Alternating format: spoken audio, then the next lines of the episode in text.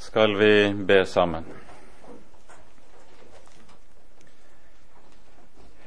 Kjære gode Herre og trofaste Far. Takk at du, vår Gud, på ny samler oss om dine hellige ord. Takk, Herre, at du er den Gud som har talt, for at vi skal få kjenne deg, at vi skal få lov til i Ordet å eie alt vi trenger til liv og salighet og i det òg ha det lys vi trenger for å nå målet. Nå ber vi, Herre, send din Hellige Ånd og vær hos oss. Åpenbar ordet ditt, Herre, slik du ser vi trenger det.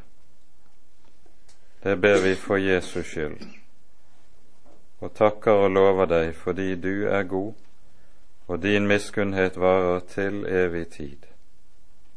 Amen.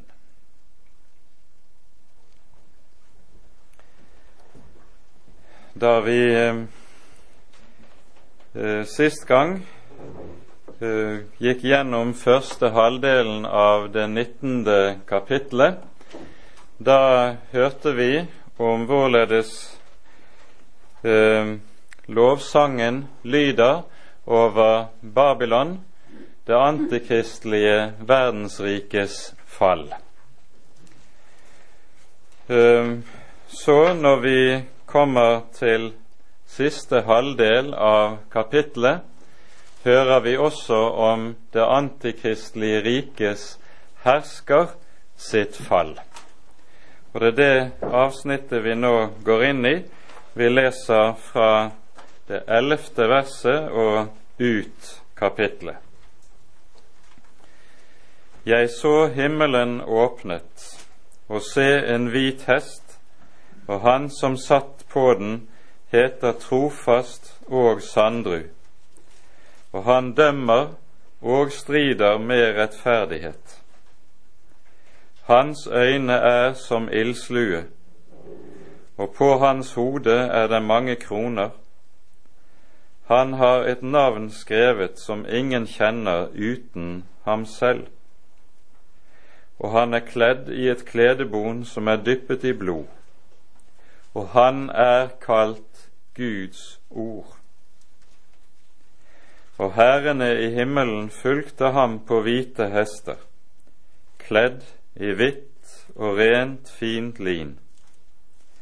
Og av hans munn går det ut et skarpt sverd, for at han med det skal slå hedningene, og han skal styre dem med jernstav. Og han treder vinpersen med Guds, den allmektiges, strenge vredesvin. På sitt kledebon og på sin lend har han et navn skrevet, Kongers konge og herrers herre.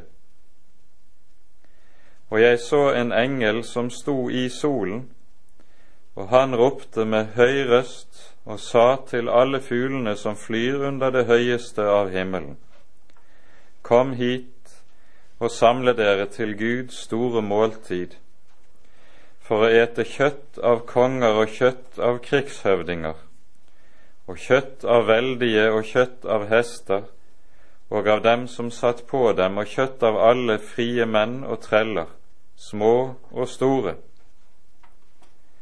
Og jeg så dyret og kongene på jorden og deres hærer samlet for å føre krig mot ham som satt på hesten, og mot hans hær.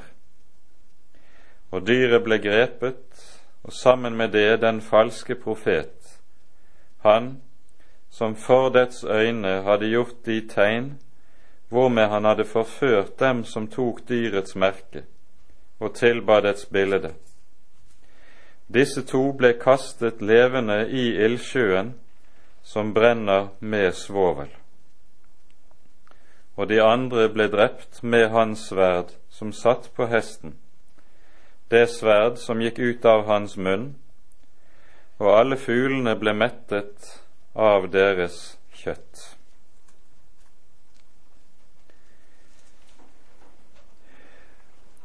i dette avsnittet er det vi altså finner det store punktum på det avsnitt som begynner med det trettende kapittel, der vi hører om Antikrist, om dyret som stiger opp av havet og av avgrunnen. Han får råde for en kort tid. Og vi ser at åpenbaringsboken altså vier en ganske betydelig plass til dette korte tidsavsnitt i historien. Det er altså slik at det er hele seks kapitler som er viet dette avsnittet, og vi forstår at årsaken til at Herren lar såpass mye oppmerksomhet vies en så kort periode i historien, henger sammen med at denne periode kommer til å være en veldig trengselstid for Guds folk. Og av den grunn trenger også Guds folk på en særlig måte Guds ord til trøst og til å kunne eie håp i den tid som de der står overfor. Vi hører gjentagende ganger at dyret fører krig mot de hellige. Og I kapittel 13 sies det sågar at det ble gitt det å seire over de hellige. Som vi altså var inne på tidligere og har pekt på, så innebærer det at den ytre kristenhet kommer med det til å bli knekket. Det blir nok troende mennesker som kommer til også å berge livet gjennom denne forferdelige trengsels- og forfølgelsestid, men i all hovedsak så kommer altså den ytre kristne kirke med det til å være knekket. Nå er vi altså med det 19. kapittel kommet til avslutningskapitlet for det antikristelige riket. Og det som da først males for våre øyne, er Han som er kongenes konge og herrenes herre. Han som før han forlot verden, sto på et fjell i Galilea og sa disse ordene Meg er gitt all makt i himmel og på jord. Gå derfor ut. Så begynner historiens misjonstid, hedningenes tid, med det. Og nå, etter at han da har forlatt disiplene i forbindelse med himmelfarten, har vi den lange perioden der Kristus ikke er synlig til stede eller nærværende blant sine. Nå er det han kommer tilbake. Og det er altså Jesu gjenkomst til dom over det antikristelige riket og over Antikrist selv som skildres i dette avsnittet. Og vi skal merke oss noen av de trekkene som Jesus her tegnes med for oss. Vi hører for det første at han sitter og kommer ridende på en hvit hest. Den hvite hesten har vi jo møtt en gang tidligere, nemlig i det sjette kapitlet i åpenbaringsboken, der vi, slik vi forstår boken, den det er den samme rytteren, det er Jesus som rir ut med evangeliet i historien i det sjette kapitlet. Nå kommer han med dommen. Og Den hvite hesten er, var i antikken symbolet som seierherren bar, eller kom ridende på. Når en romersk hærfører kom tilbake og red i triumstog inn i byen, så red han på den hvite hesten, som altså er seierens symbol. Og slik er det vi også møter ham her. Så sies det om ham at han heter trofast og sandru.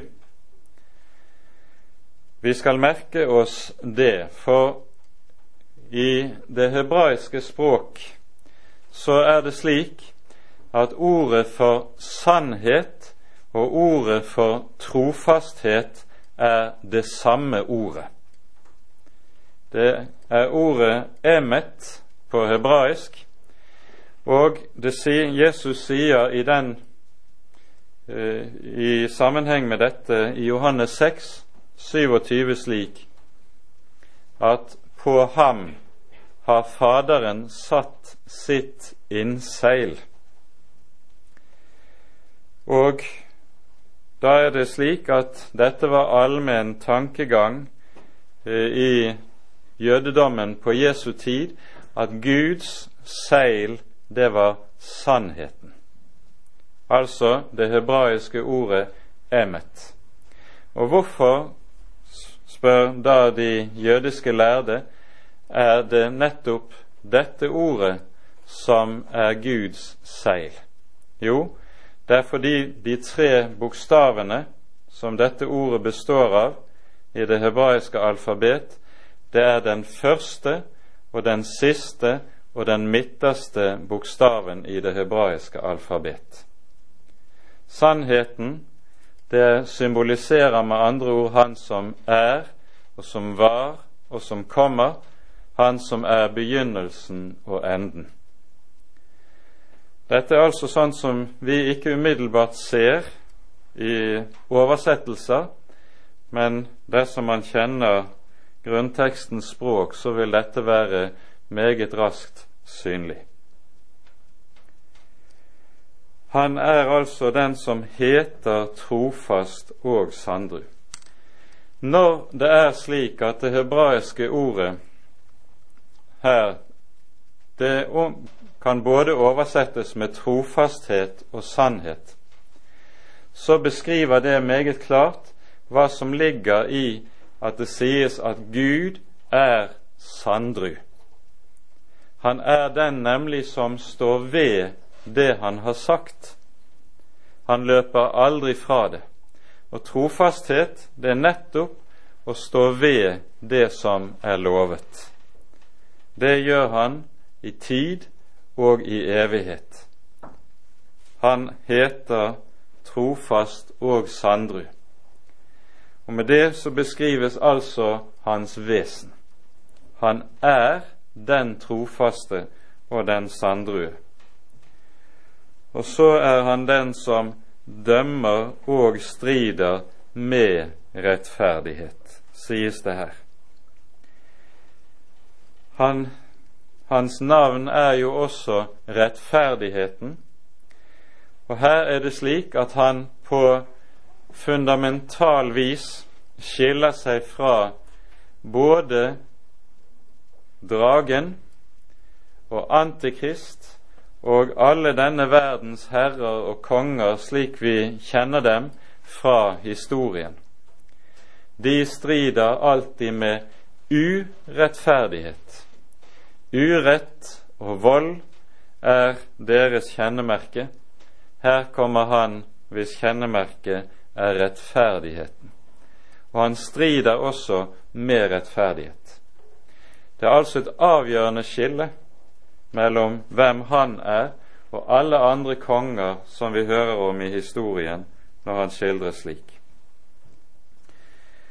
Hans øyne er som ildslue, sies det.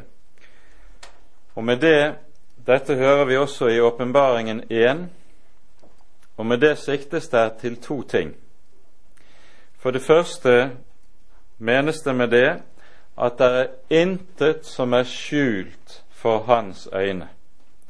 I Hebreane 4 sies det alt er nakent og bart for hans øyne som vi har med å gjøre.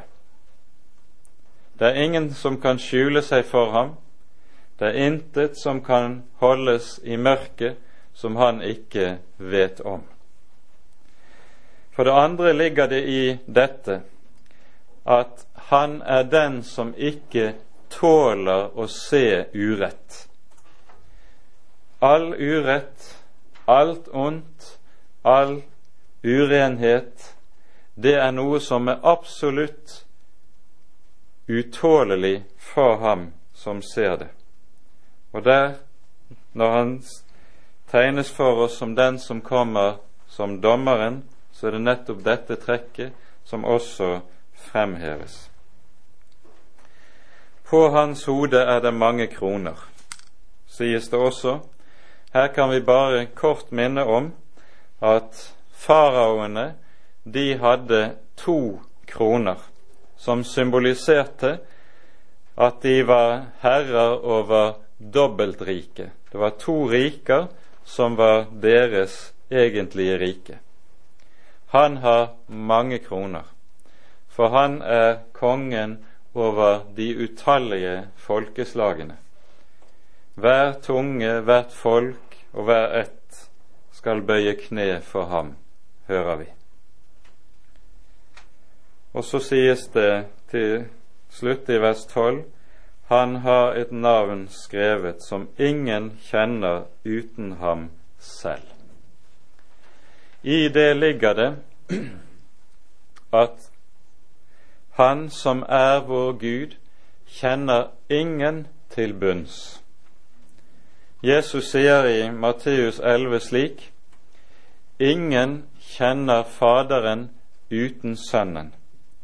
Heller ikke kjenner noen Sønnen uten Faderen og den Faderen vil åpenbare det for. For at vi skal kunne kjenne ham, så må det åpenbares. Men likevel, han er fordi han er Gud, fordi han er som han er i sitt velde, så er det ingen skapning som kjenner ham til bunns. Og Derfor lyder det som vi hører, han har et navn som ingen kjenner uten ham selv. Navn i Bibelen det er jo alltid uttrykk for personens vesen.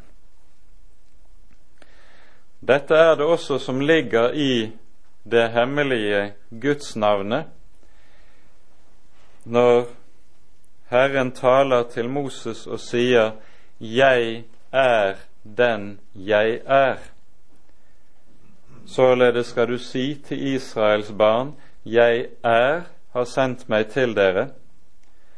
Så er det dette navnet som er den dype hemmelighet, som aldri kan utgrunnes. I, blant jødene så dette, kom dette symbolsk til uttrykk på den måten at de heller aldri uttalte det hellige Guds navn. Det er en hemmelighet som intet menneske kjenner. Han var kledd i et kledebon som var dyppet i blod, og han er kalt Guds ord, sies det så i vers 13. Det trekk som vi her hører om når kledebonet er dyppet i blod, så tenkes det på i denne sammenheng ikke forsoningens blod. Vi, sies det i Åpenbaringen syv, om de som hører Herren til, det er vi som har vasket våre klær og gjort dem rene i lammets blod. Men han, når det sies at han har et kledebon som er dyppet i blod, så tenkes det på hevnen og gjengjeldelsen som skal ramme Antikrist og hans rike ved denne anledningen. Og Forbildet i denne sammenheng er hentet fra Jesaja 63. kapittel, som det også står henvisning til i denne sammenhengen. Herrene i himmelen følger ham, sies det. Og dette er jo karakteristisk for det som ellers sies om Jesu gjenkomst. I Matteus 25 sies det jo f.eks. når menneskesønnen åpenbares eller kommer og alle himmelens engler med ham, så er det noe som går igjen stadig, at når han kommer tilbake, så er det under ledsagelse av alle englenes hærskarer. Sverdet han strider med, er det som går ut av hans munn. Det er hans ord. Vi hører i det følgende ikke om noe slag eller kamp i ordets vanlige forstand. For det er ingen som kan stå seg mot Han som er den allmektige. Han taler et ord, og hans fiender ligger slått for hans føtter. Slik er det, og slik må det være, for mot den allmektige kan ingen løfte hodet. Og så tales det han et, i tilslutning til eh, ord fra først Salme 2. Han skal styre hedningene med jernstav. Og så han skal trede vinpersen, det er fra Jesaja 63, med Guds, den allmektiges, strenge vredes vin. Og så er vredens dag kommet. Det som ser ut til i denne sammenheng å være tidspunktet der Herren kommer, og vi har denne hans inngripen, det er det tidspunkt som er omtalt tidligere i det 17. kapittelet i Unnskyld, i det 16. kapittelet i åpenbaringsboken.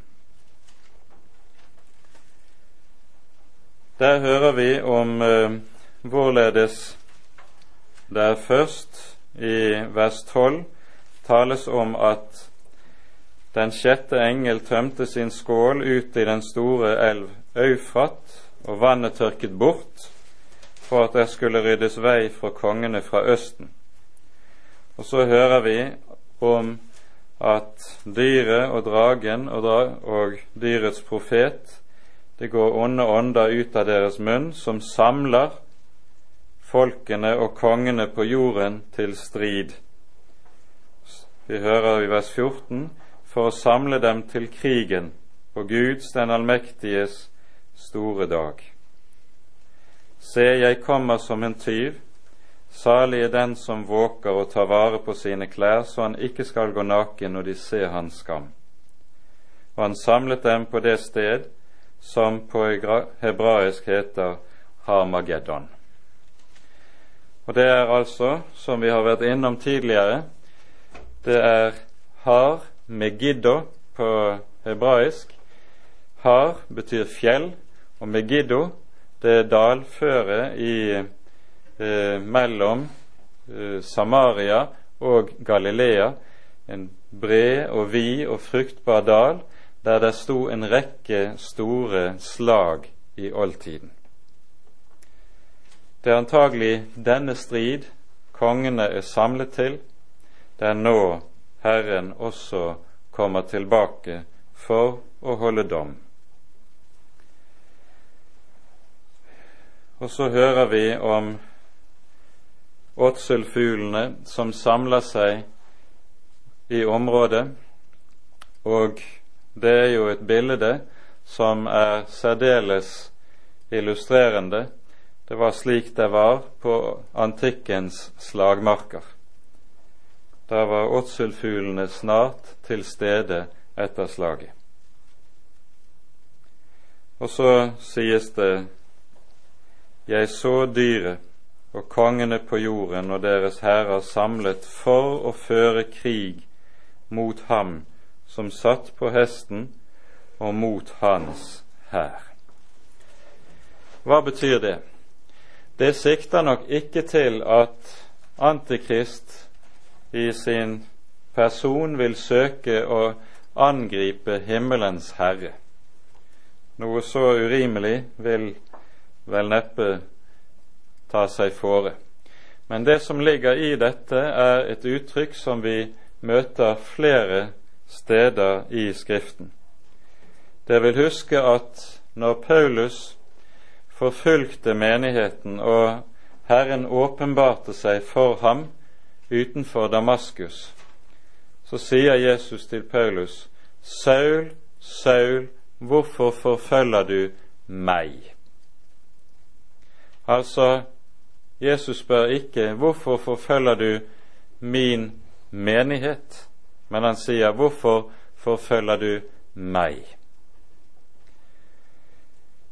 Det er altså slik at Jesus identifiserer seg slik med sin menighet at han sier det å forfølge den kristne menighet, det er ensbetydende med å forfølge Kristus.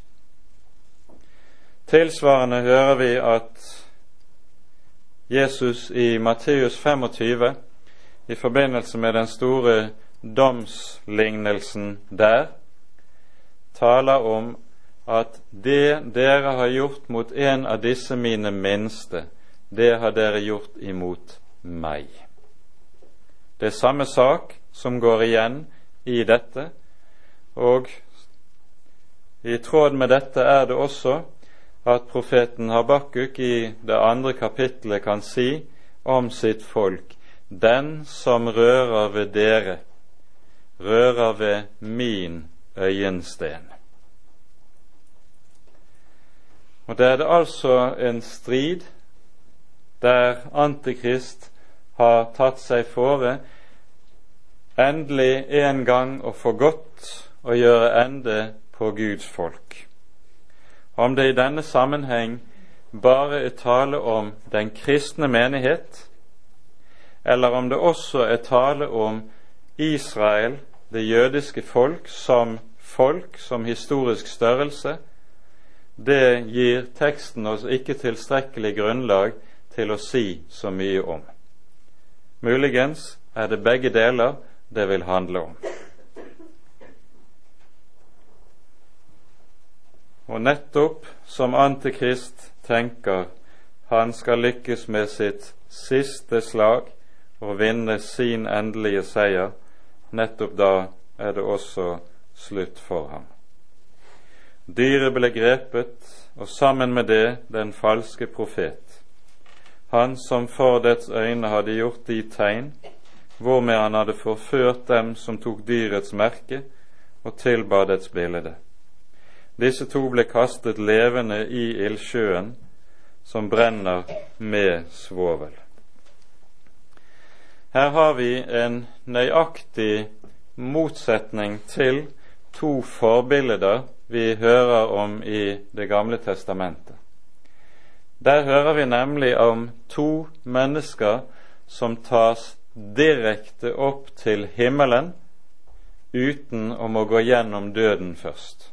Det er profeten Elia og Enok, som vi hører om i Første Mosebok fem. Her hører vi om deres motsetning.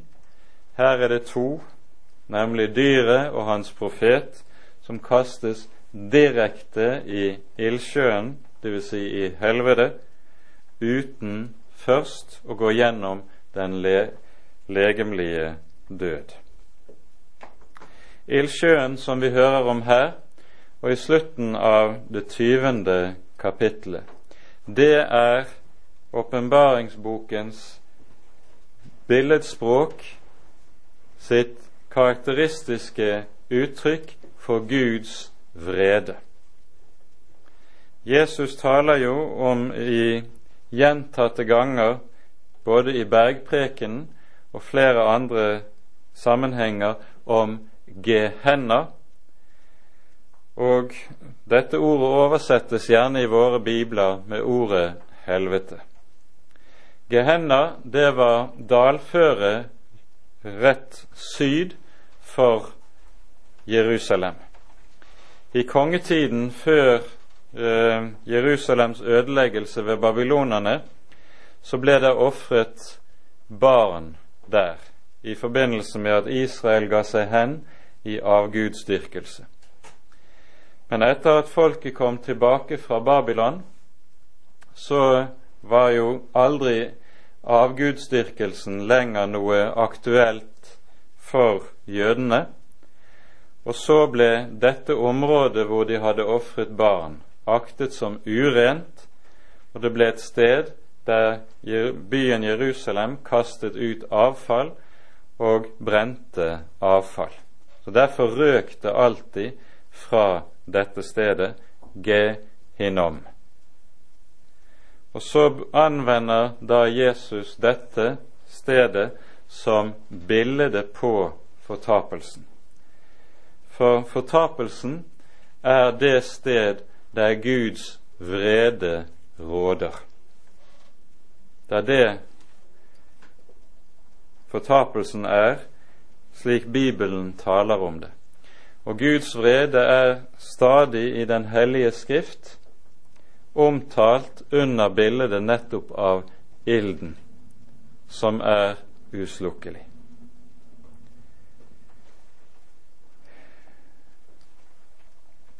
De andre, sies det til slutt, ble drept med hans sverd som satt på hesten, det sverd som gikk ut av hans munn, og alle fugler ble mettet av deres kjøtt.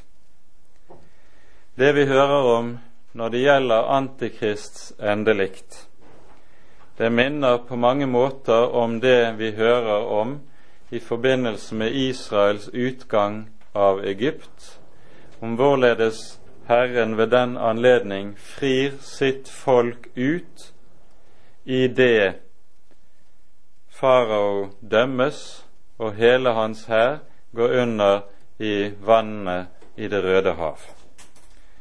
Og Kanskje vi skulle ta oss tid til å lese noen vers fra 2. Moseboks 14. og 15. kapittel.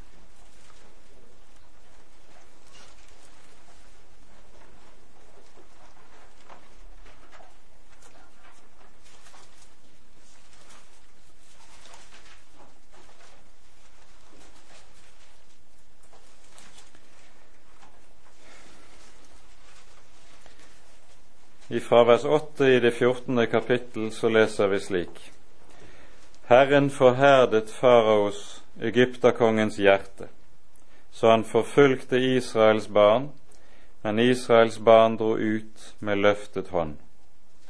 Så forfulgte egypterne dem og nådde dem igjen, da de lå i leir ved havet, alle faraos vogner og hestfolk og hele hans hær, ved Pihakirot foran Baal Sefan. Slik er det at farao vil gripe Guds folk, det folk som er fridd ut ved Herrens hånd, ved lammets blod. Og så er det at folket får løfte i vers 14, som dere vil huske. Herren skal stride for dere, og dere skal være stille. Nøyaktig det samme gjelder om folk på denne Guds folk på denne siste dag i historien som vi hører om i åpenbaringen 19.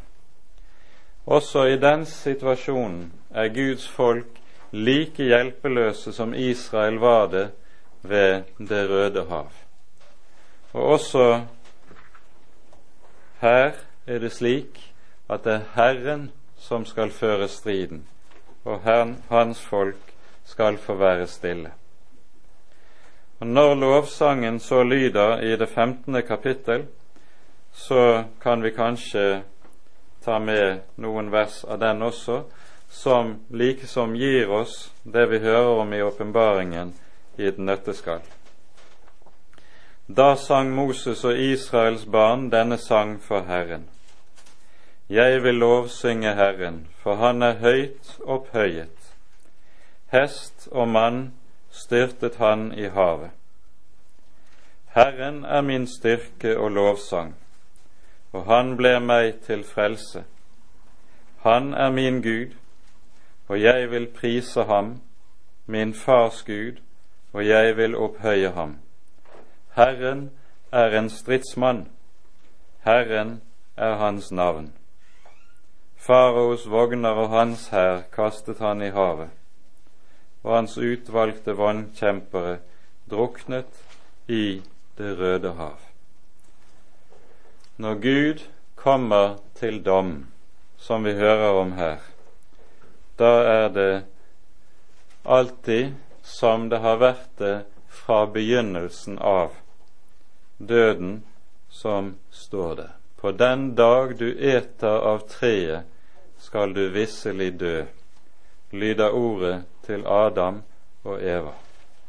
For døden er også Guds dom, som nå rammer Antikrist. Og her er det tale om den evige død. Og med dette så er det satt et veldig punktum for den antikristelige trengselstid, slik den beskrives for oss i åpenbaringsboken. Hvorpå boken går over til det vi hører i kapittel 20, og som er kanskje et av de aller vanskeligste avsnittene å tolke og å forstå i Den hellige skrift. Det er her vi hører om tusenårsriket. Jeg så en engel stige ned fra himmelen, som hadde nøkkel til avgrunnen og en stor lenke i sin hånd.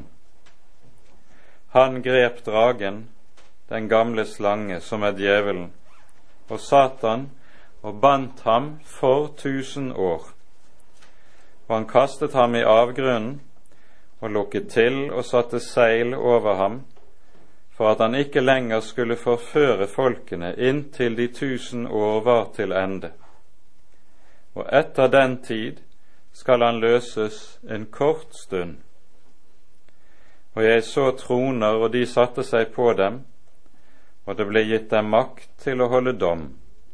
Og jeg så deres sjeler som var blitt halshogget for Jesu vitnesbyrds og for Guds ords skyld, dem som ikke hadde tilbedt dyret eller dets bilde, og som ikke hadde tatt merke på sin panne og på sin hånd. Og de ble levende og regjerte med Kristus i tusen år. Men de andre døde ble ikke levende igjen før de tusen år var til ende.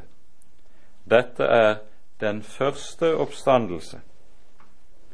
Salig og hellig er den som har del i den første oppstandelse.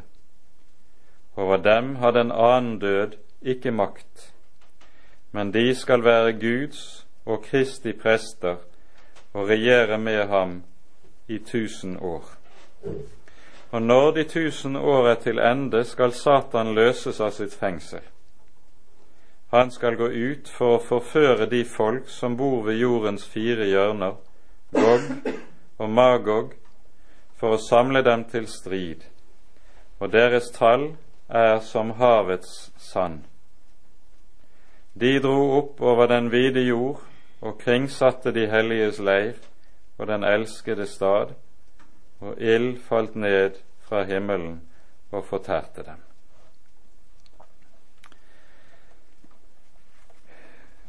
Når vi nå altså har kommet frem til dette avsnittet, så står vi overfor et avsnitt som det er sterkt motstridende syn på gjennom hele den kristne kirkes historie. Og vi skal ganske kort eh, tegne en skisse av disse ulike synene, for det forstår vi litt av hva som ligger bak disse ulike måter å tenke om dette avsnittet på, så vil vi også forstå eh, de mange forskjellige anskuelsene som råder når det gjelder de siste ting. Mange av dere, kanskje særlig en god del av dere unge, har kanskje sett noen av disse filmene Left Behind, som bygger på en bokserie fra USA, og disse bygger på nettopp en bestemt tolkning og forståelse av tusenårsriket. Men mer om det.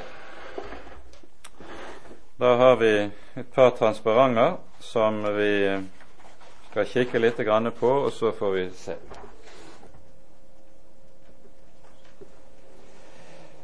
Vi kan grovt dele de ulike syn på tusenårsriket inn i fire hovedtyper. Og Det kalles da millennianisme. Men det kommer av ordet millennium, som jo er navnet på en periode på tusen år. Og Det første av disse synene kalles gjerne for postmillennianisme. Dette er et syn som har vært relativt vanlig for det første inn deler den del av pietismen som munnet ut i eh, mange av eh, misjonsorganisasjonene utover på 1800-tallet, der man i møte med den store misjonstiden så for seg at gradvis så skulle alle jordens folkeslag kristianiseres, og en skulle få en verdensomspennende kristen kultur i kjølvannet på verdens misjon. Det var altså tale om et relativt optimistisk fremtidssyn som kom til uttrykk i denne måten å tenke på. Og en sideart, noe sekulær type av dette, er det som du finner i den retning, i, særlig amerikansk teologi, i det forrige århundret, som ble kalt for social gospel. Den kalles postmillennianisme fordi en tenker i eh, dette systemet at Kristi gjenkomst den skjer etter tusenårsriket.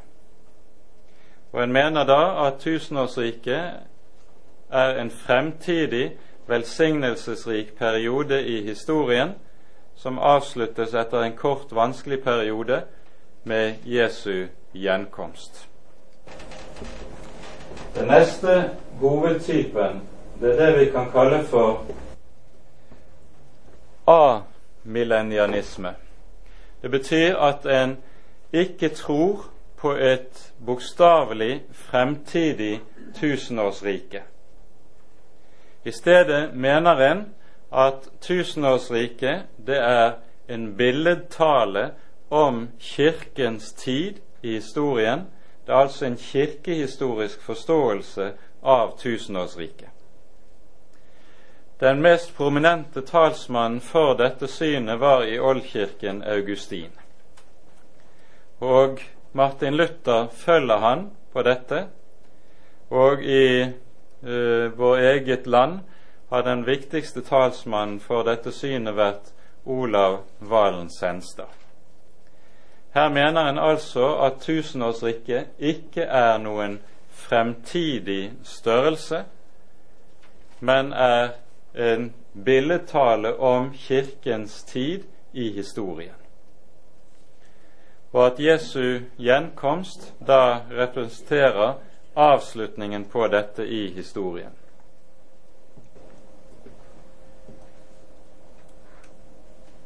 Så har vi det synet som gjerne har vært kalt for premillennianisme. Forstavelsen 'pre' betyr jo 'før', og det er en tankegang om disse ting som vi finner uh, innen pietismen fra slutten av 16- og 17, begynnelsen av 1700-tallet, og den uh, er vanlig innen store deler av vekkelsesfolket, lavkirkelige vekkelsesfolket, i, uh, også i vårt land. Her lærer en og tenker en at tusenårsriket er en fremtidig velsignelsesrik periode, der det altså er slik at Kristus kommer tilbake før tusenårsriket og etter tusenårsriket. Man lærer altså to gjenkomster. Det er det som eh, ligger i denne måten å tenke på, og Da leser man følgelig disse avsnittene i Åpenbaringen 19 og kapittel 20 slik at de det taler om en fortløpende kronologisk orden, der etter den antikristelige trengselstid kommer Kristus tilbake, gjør ende på hans forferdelige herredømme, og så kommer en velsignelsesrik periode som altså innledes ved Kristi første gjenkomst. Og så er det de tusen år, og så er det en ny kort periode med elendighet ved avslutningen av tusenårsrikets periode, før Kristus endelig kommer igjen til dom. Og det er den annen gjenkomst. Dette synet eh, vil vi finne altså er meget vanlig innen store deler av det lavkirkelige vekkelsesfolket. Og du finner en annen variant av dette som er langt mer utbygget.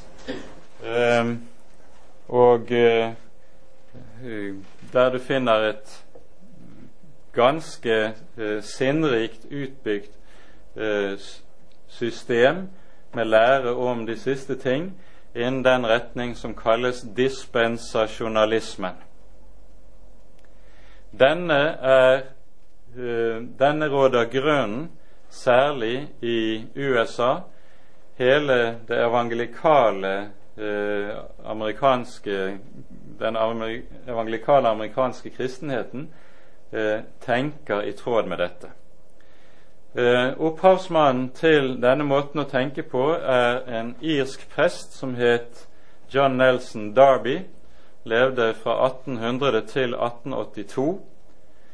Eh, og eh, synet hans eh, fikk meget betydelig gjennomslag i USA i 1860- og 70-årene etter at den kjente vekkelsesforkynneren Moody eh, godtok Darby sin måte å tenke på.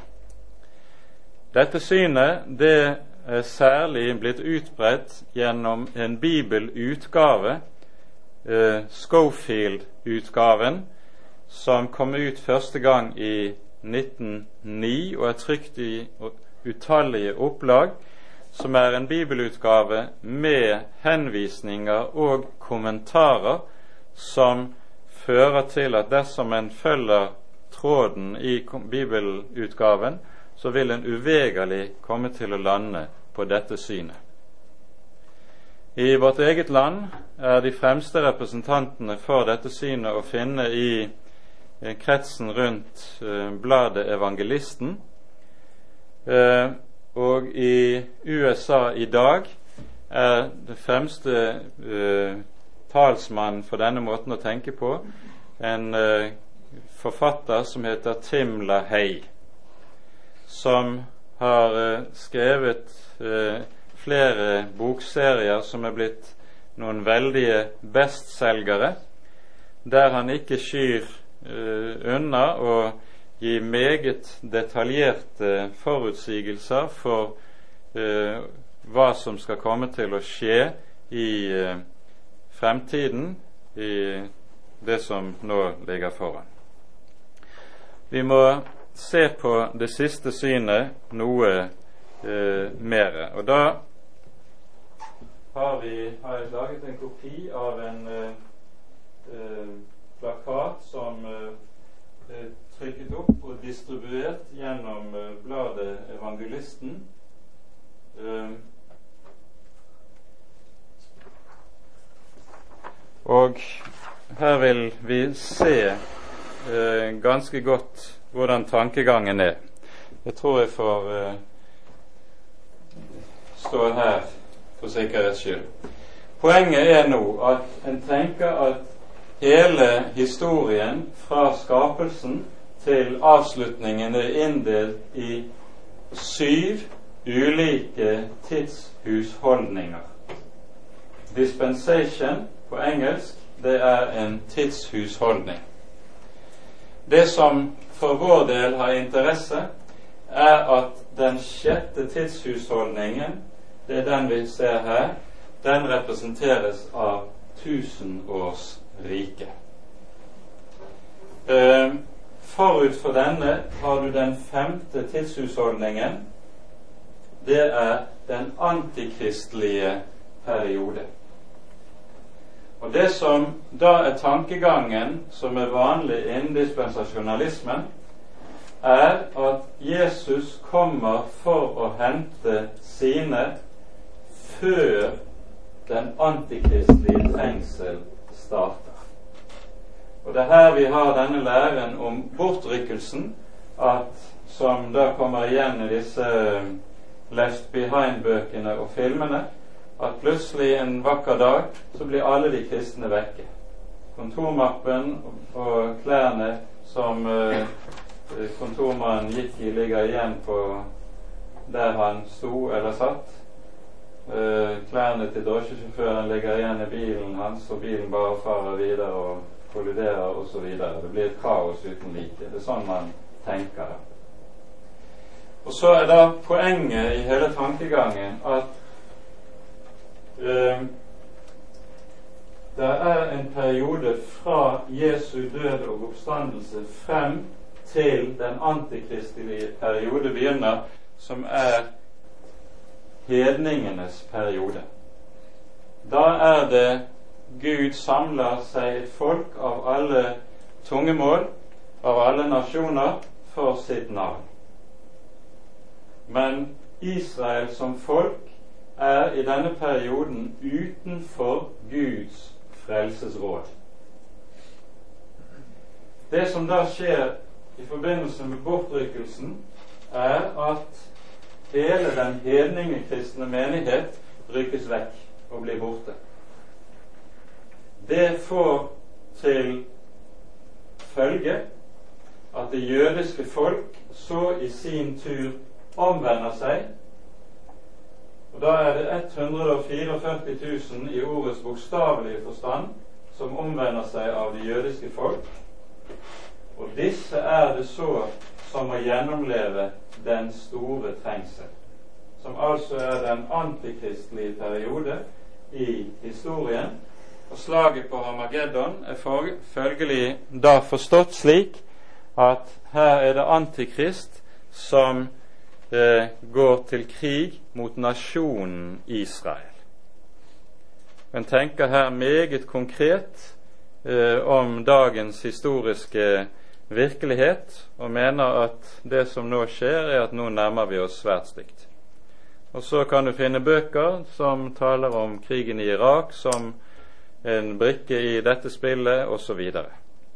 Man er meget eh, bestemte og klare på og mener å vite Eh, så å si hvert enkelt sjakktrekk som Gud gjør i historien, og som nå ligger foran. Det er et spekulativt system som, eh, eh, så langt jeg kan begripe det, er umulig å finne reell dekning for i Den hellige skrift.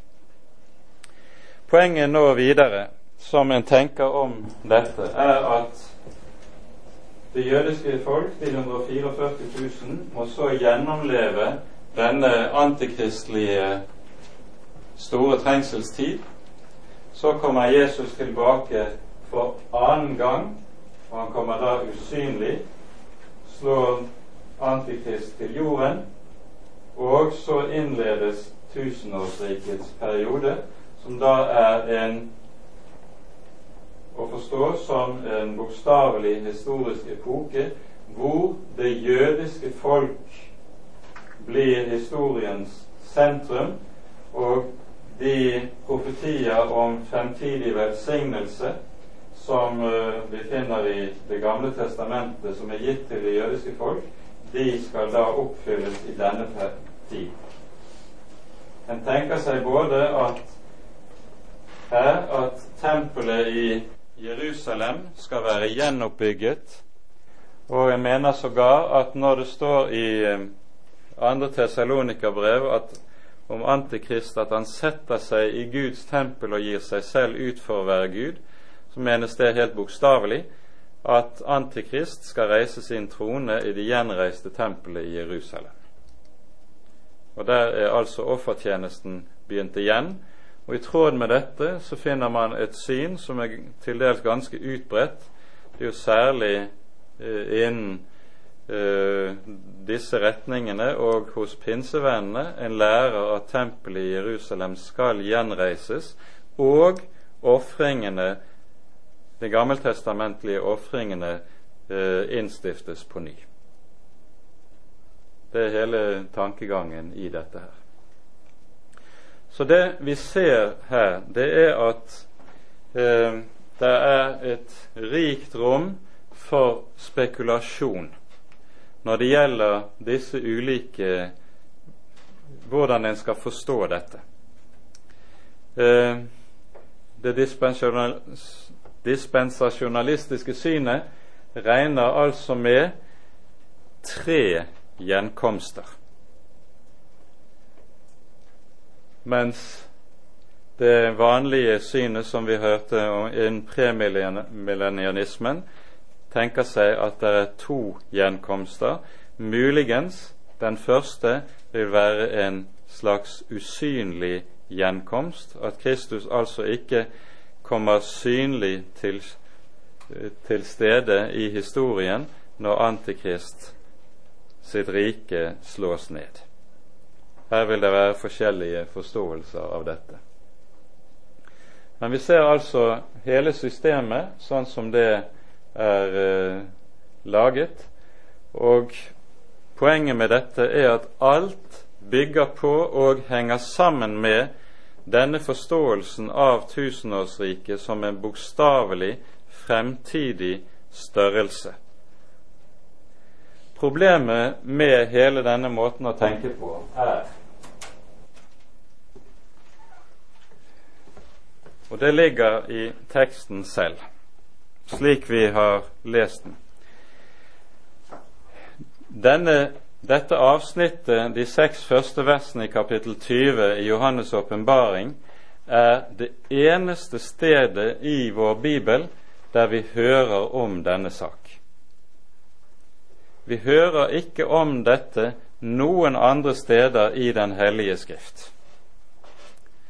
Og så blir da problemet, fordi eh, dette er omtalt på slik bare her, hvordan skal vi forstå det?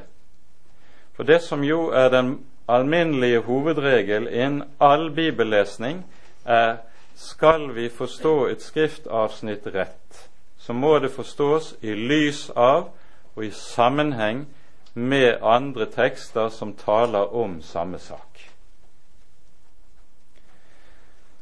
Så langt jeg for min del eh, er kommet, så finner jeg for det første grunn til å avvise eh, dispensasjonalismens syn.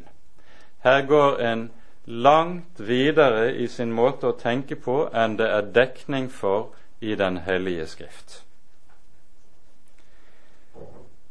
Samtidig så har jeg også store vansker med tankegangen ut fra det premillennianistiske synet, der en forutsetter to gjenkomster.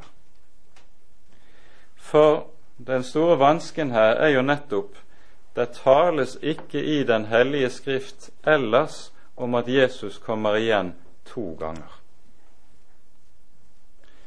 Og så Eh, må vi da eh, stille spørsmålet hva innebærer dette? Og Her må jeg for min egen del si at jeg, når det gjelder dette avsnittet, er kommet til at jeg finner det umulig å si noe bestemt enten i den ene eller den andre retning. Jeg våger ikke å gjøre det, rett og slett fordi eh, jeg er redd for å si mer enn det er dekning for i Skriften. Slik at for min del, når det gjelder forståelsen av dette avsnittet i Skriften, så velger jeg å la rett og slett forståelsen av det stå åpen. Den som lever, får se. Det må være opp til Herren når tiden er inne der, å gjøre sånn som det behager ham. Og om vi ikke har fullt ut greie på og er i stand til å kartlegge hvordan de ulike begivenheter i frelseshistorien skal komme til å utvikle seg, så er ikke det så farlig. Saken er jo den at når Den hellige Skrift taler sånn som den gjør om de siste ting, så er det ikke for at vi skal ha overblikk over alt som skal skje, men det er to grunner. Det er for det første at vi skal få hjelp til å våke. Våk og vær rede. Og for det andre at når tidene blir tunge og vanskelige, og mørket kommer sigende innover historien, så skal Guds folk ha en trøst. De skal vite se her, Herren har talt om dette forut. Her står det, og så vet vi også når dette går i oppfyllelse, så har vi også løftet om at det en gang skal avsluttes ved Hans veldige hånd. Det er altså tale om to hovedgrunner til at Skriften taler om disse ting. Vi skal lære å våke, og vi skal ha en sikker trøst. Bruker vi bibeltekstene til å prøve å tilfredsstille vår nysgjerrighet når det gjelder fremtidens ulike begivenheter, så misbruker vi tekstene, for det er ikke derfor de er oss gitt. Og så får vi heller, tror jeg, sånn har jeg i hvert fall måttet tenke, stå overfor disse ting og si her er det meget vi enda ikke forstår. Så får det være Guds sak å sørge for den, disse ting når tiden er inne. Og Da minner vi igjen om et ord som vi har pekt på tidligere, det Jesus sier i Johannesevangeliets 14. kapittel. Jeg har sagt dere det før det skjer, for at dere skal tro når det skjer. Altså, Bibelens profetier er laget på en slik måte at vi ikke klart kan forstå og ha overblikk over hva dette innebærer før oppfyllelsen er der. Han sier 'Jeg har sagt dere det før det skjer', ikke for at dere skal tro før det skjer, men altså for at dere skal tro når det skjer. Når oppfyllelsen er der, da kjenner vi det igjen, og da ser vi dette er det Herren talte om. Og så kan vi ha trøst ved det. Og så tror jeg vi må la det stå slik, dette avsnittet, og si det er meget vi enda ikke vet. Og Med det setter vi punktum så langt, og er det ting det er behov for å spørre om, så er det anledning til det etter matpausen. Ære være Faderen og Sønnen og Den hellige ånd som var og er og være skal, en sann Gud, høylovet i evighet. Amen.